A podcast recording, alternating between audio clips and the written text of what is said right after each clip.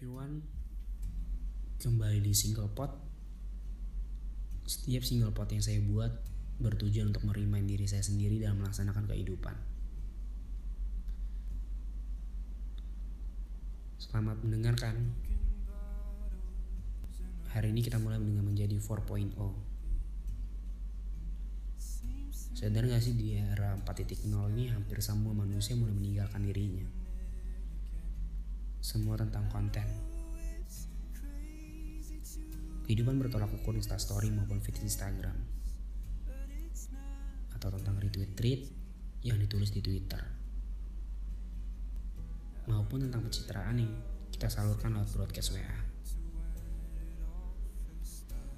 Sadar gak sudah berapa banyak manusia sampai punya dua account di luar bisnisnya hanya untuk menjadi diri sendiri. Menakutkan itukah dunia digital?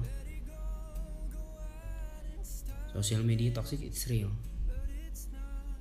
Semua tentang pencapaian, semua tentang prestis, semua tentang kecepatan. Yang lambat akan dihina dari hal apa pun.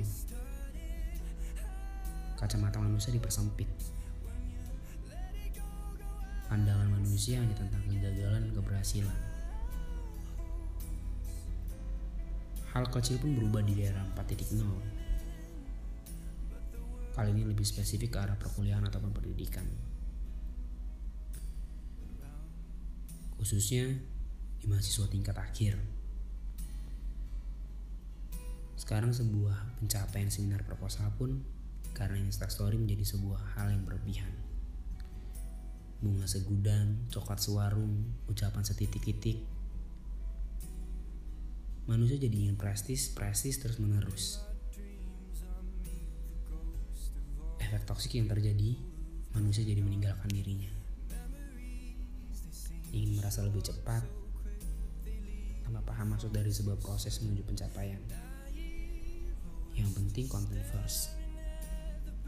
Buru-buru lulus dari perkuliahan karena aku berkonten lagi musimnya wisudaan tanpa pernah mikir kalau lulus bakal jadi beban negara atau enggak. Dan di suatu pelajaran pun jadi sebuah hal yang dihina di mata manusia.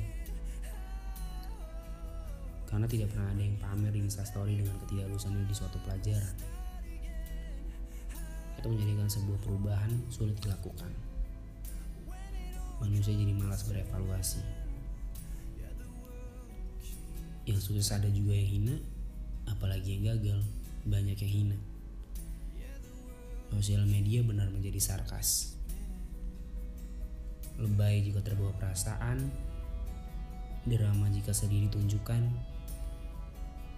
gila jika makin aktif ketika dihina.